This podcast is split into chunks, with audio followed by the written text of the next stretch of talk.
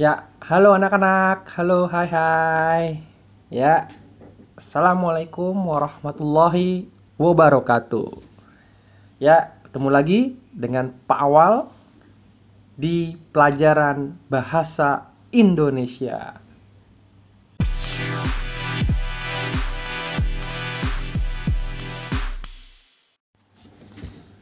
Nah, gimana nih kabar kalian? Ya, semoga semua dalam keadaan sehat walafiat. Amin. Nah, eh, pada kesempatan kali ini Pak Awal menjelaskan materinya lewat eh, semacam podcast lah, ya, mencoba eh, metode baru, ya. Berharap kalian tidak bosen, tidak jenuh, ya, atau tidak tidur, ya. Jadi tolong disimak materinya, ya. Nah, materi kita hari ini adalah mengenai teks satu. Nah, wah Pak, teks satu apaan Pak? Ya, mau tahu teks satu itu apa? Ya, mari kita dengarkan penjelasan dari PowerPoint yang ada di GCR. Check it out.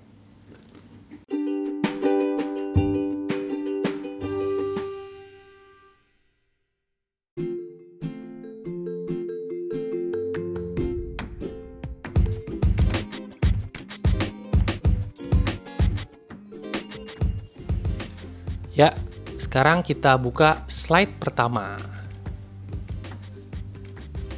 Ya, di slide pertama kalian akan melihat perbedaan dan persamaan antara teks 1 dan teks 2. Nah, kita mulai dari perbedaan. Ya. Teks 1 itu berupa peristiwa atau kejadian atau fenomena alam ya setuju ya. Teks 2 berupa tips merawat wajah. Nah itu perbedaan pertama ya. Perbedaan kedua ya cocok ini sama coretan-coretan kalian ya. Kalau teks 1 itu tujuannya menjelaskan suatu fenomena dan sebab akibat suatu peristiwa ya. Sebab akibat itu artinya oh ini bisa terjadi karena ini. Oh ini disebabkan oleh ini. Nah itu tuh sebab akibat ya. Ani menangis karena terjatuh. Nah sebab akibat tuh ya. Uh, Farhan tidak masuk sekolah disebabkan sakit. Nah disebabkan tuh ya. Itu kalimat uh, sebab akibat tuh ya. Nah teks kedua itu tujuannya mempermudah melakukan sesuatu. Ya jadi mau cara merawat wajah gimana caranya? Nah, ada di situ caranya ya. Poin ketiga perbedaannya kalau di teks 1 itu kata hubungnya banyak kausalitas. Nah kausalitas itu adalah konjungsi sebab akibat. Ya sekali lagi Pak Awal ulang konjungsi kausalitas artinya kata hubung atau konjungsi sebab akibat. Contohnya ada di situ kata-kata karena, penyebabnya, dikarenakan dan lain-lain. Nah, kalau di teks 2 itu kata hubung atau konjungsi yang dominan adalah konjungsi temporal. Ya, ada kata selanjutnya di situ, ada kata kemudian dan lain sebagainya. Nah, perbedaan terakhir dari segi isi. Kalau teks 1 itu kalau kalian sudah baca isinya fakta-fakta. Iya, dominan fakta-fakta. Kenapa dibilang fakta? Karena benar-benar terjadi, itu penyebabnya benar dan bisa dibuktikan secara ilmiah. Ya, kalau kalian lihat di YouTube ya ada para ahli itu sering apa memposting ya bagaimana proses-proses terjadinya fenomena alam. Nah, itu kan peneliti bukan dari hasil rekayasa, tapi hasil dari penelitian. Nah, hasil penelitian itu disebut dengan fakta. Ya. Nah, kalau teks 2 isinya langkah-langkah melakukan sesuatu. Yuk, kita masuk selanjutnya adalah teks 2 disebut dengan teks prosedur. Betul sekali. Ya, dengan jenis protokol. Ya, teks 2 gampang, udah ketahuan. Kita udah belajar nih pertemuan minggu lalu. Ya, teks 2 pasti udah ketebak. Wah, teks 2 pro, oh, apa prosedur nih. Nah, yang jadi pertanyaan adalah teks 1 apa sih, Pak? Iya, yeah, kan gitu ya. Eh, mau tahu banget apa mau tahu aja? Iya. Yeah. nah, uh, sebelum masuk ke teks 1, kita ada persamaan. Ya, antara teks 1 dan teks 2 itu sama-sama menjelaskan sebuah proses atau tahapan. Ya kan benar ya, setuju ya persamaannya ya. Teks 1 proses atau tahapan terjadinya sebuah fenomena ya. Kalau teks 2 tahapan ya untuk melakukan sesuatu. Nah, itu persamaannya. Jadi kita masuk ke slide 2 ya. Nah, ternyata teks 1 itu disebut dengan teks eksplanasi ya. Dari kata explain, explain pernah ya dengar? Silakan explain, explain itu artinya menjelaskan, nak. Me, ya, menjelaskan sedetail-detailnya serinci-rincinya suatu hal explain nah jadi teks satu disebut dengan teks eksplanasi jadi kita simpulkan yang namanya teks eksplanasi itu berupa fenomena ya kejadian atau peristiwa luar biasa ya yang tujuannya menjelaskan sebuah fenomena dan sebab akibat suatu peristiwa. Ya, ciri yang ketiga biasanya banyak kata-kata konjungsi kausalitasnya. Nah, ya. Yang terakhir, cirinya berisi fakta-fakta yang bisa dibuktikan dan uh, biasanya, bukan biasanya sih ya, pasti selalu uh, lewat proses penelitian. Nah, muncullah sebuah fakta. Ya, itulah ya di slide 2 ciri-ciri teks eksplanasi. Nah, kita akan bahas ke fenomena. Pak, apa semua fenomena kita bahas, Pak? Ya enggak ya. Untuk pelajaran kali ini saya hanya membatasi di slide ketiga hanya tiga jenis fenomena. Fenomena alam, fenomena sosial, dan fenomena budaya. Wah, itu fenomenanya apa aja, Pak? Ya, baik, kita lanjut ke slide keempat. Nah, selain gempa bumi ya yang ada di teks 1, contoh fenomena lain ya alam ya, fenomena alam lain itu adalah satu. Ya, mungkin kalian pernah dengar ya hujan ikan. Nah, itu contoh ya yang uh, fenomena alam. Ya, Pak, di mana tuh? Coba baca artikelnya di Google ya. Cari hujan ikan. Pernah juga ada misteri hujan darah di Siberia. Ya. Nah, terus ada contoh lain adalah tsunami di Aceh ya, tsunami di Jepang. Pokoknya tsunami lah. Nah, itu adalah tiga contoh fenomena alam. Ya.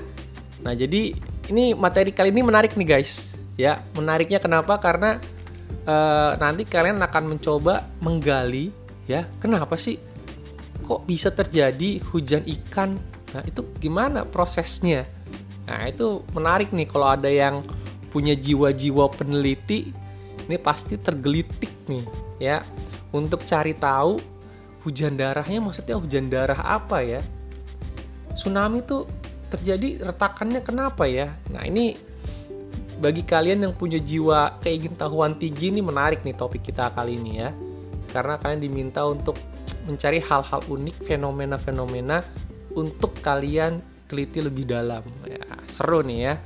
Ntar kita lihat siapa yang uh, mau mencari tahu lebih dalam tentang fenomena yang unik-unik ini ya. Itu hanya contoh ya. Pawal nggak sebutin semua jenis karena nanti kalian akan diminta juga untuk menyebutkan satu orang satu di kolom komentar uh, eh, GCR ya. Nah, kita lanjut ke fenomena berikutnya, fenomena sosial ya.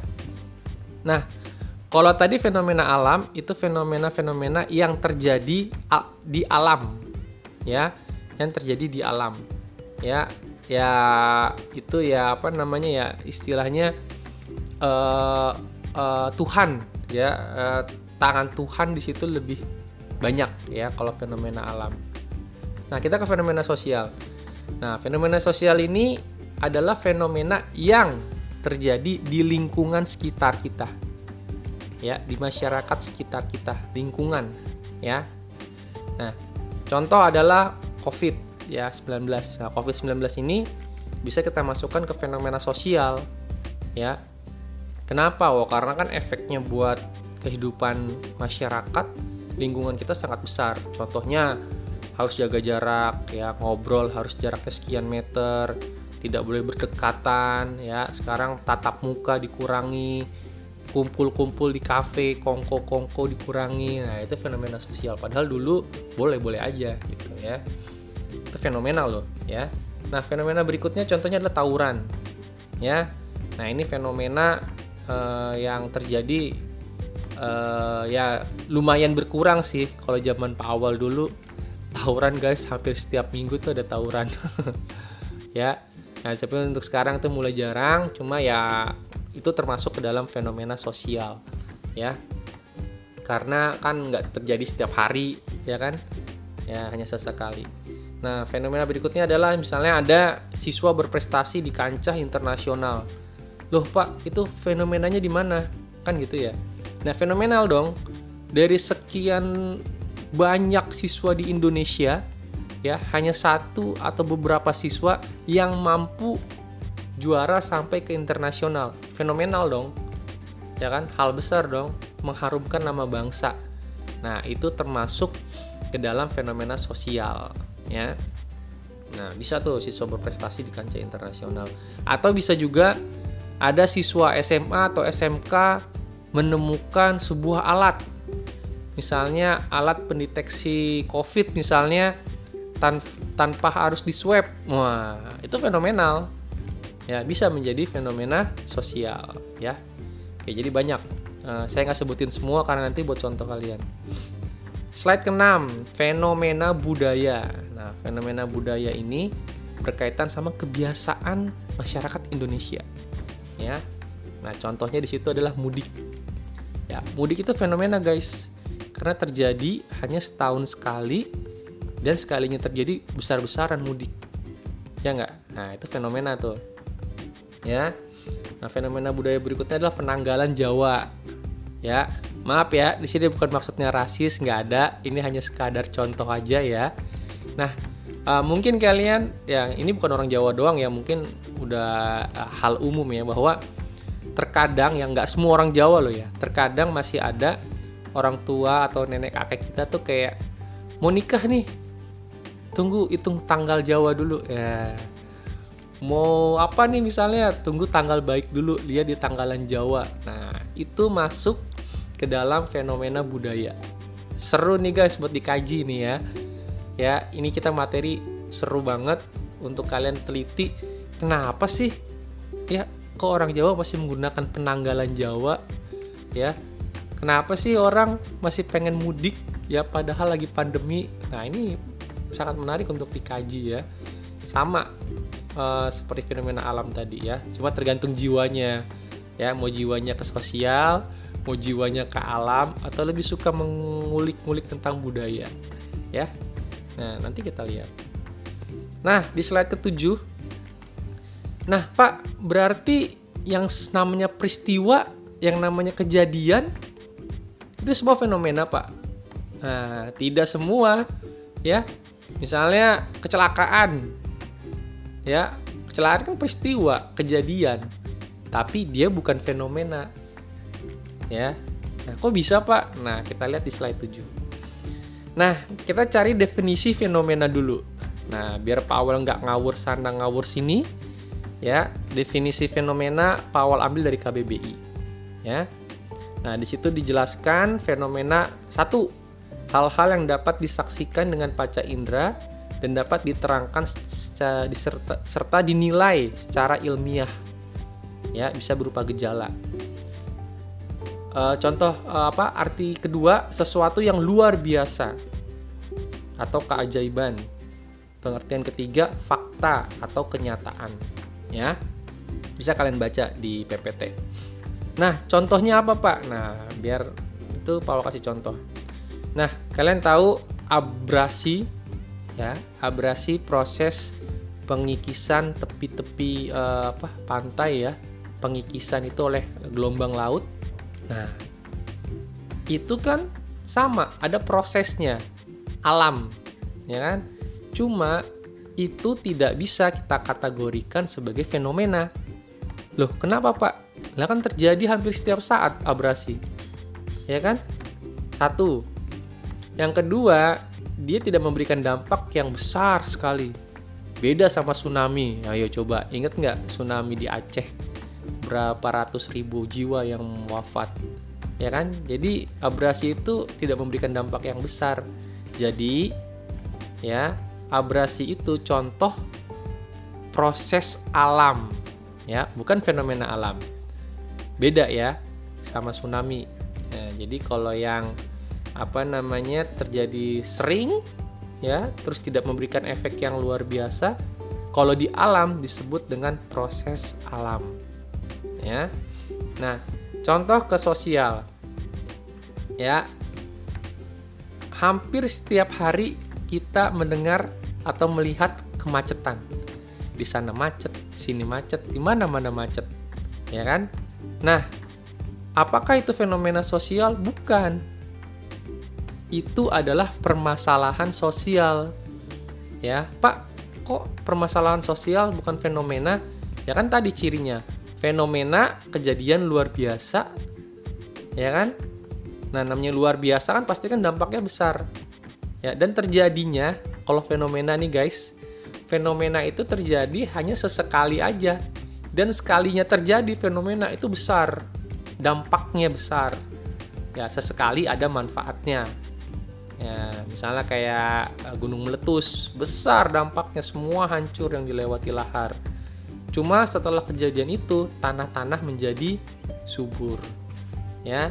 Nah, nah kita kembali ke kemacetan. Nah, kemacetan bukan fenomena tapi dia permasalahan sosial ya karena tidak memberikan dampak yang besar dan terjadi hampir setiap saat, hampir setiap pagi, hampir setiap sore kalau orang pulang kerja. Nah, itu hampir setiap saat terjadi ya. Jadi kesimpulannya macet dan abrasi bukan sebuah fenomena karena terjadi setiap hari atau setiap saat dan bukan kejadian yang luar biasa. Ya.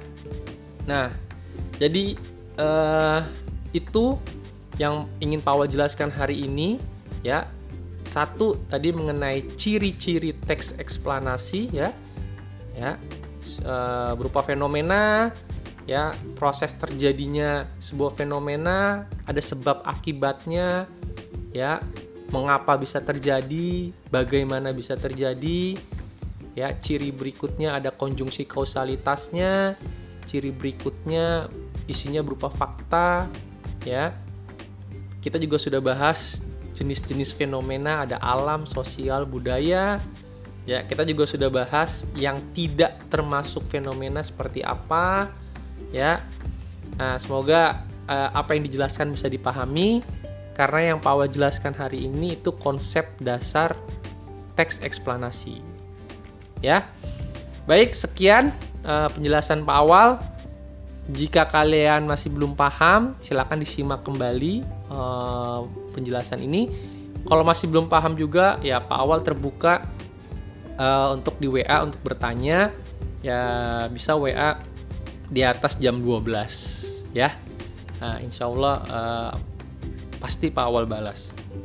Ya. Itu dulu, mohon maaf jika ada kekurangan, Pak Awal tutup. Sekian, wassalamualaikum warahmatullahi wabarakatuh.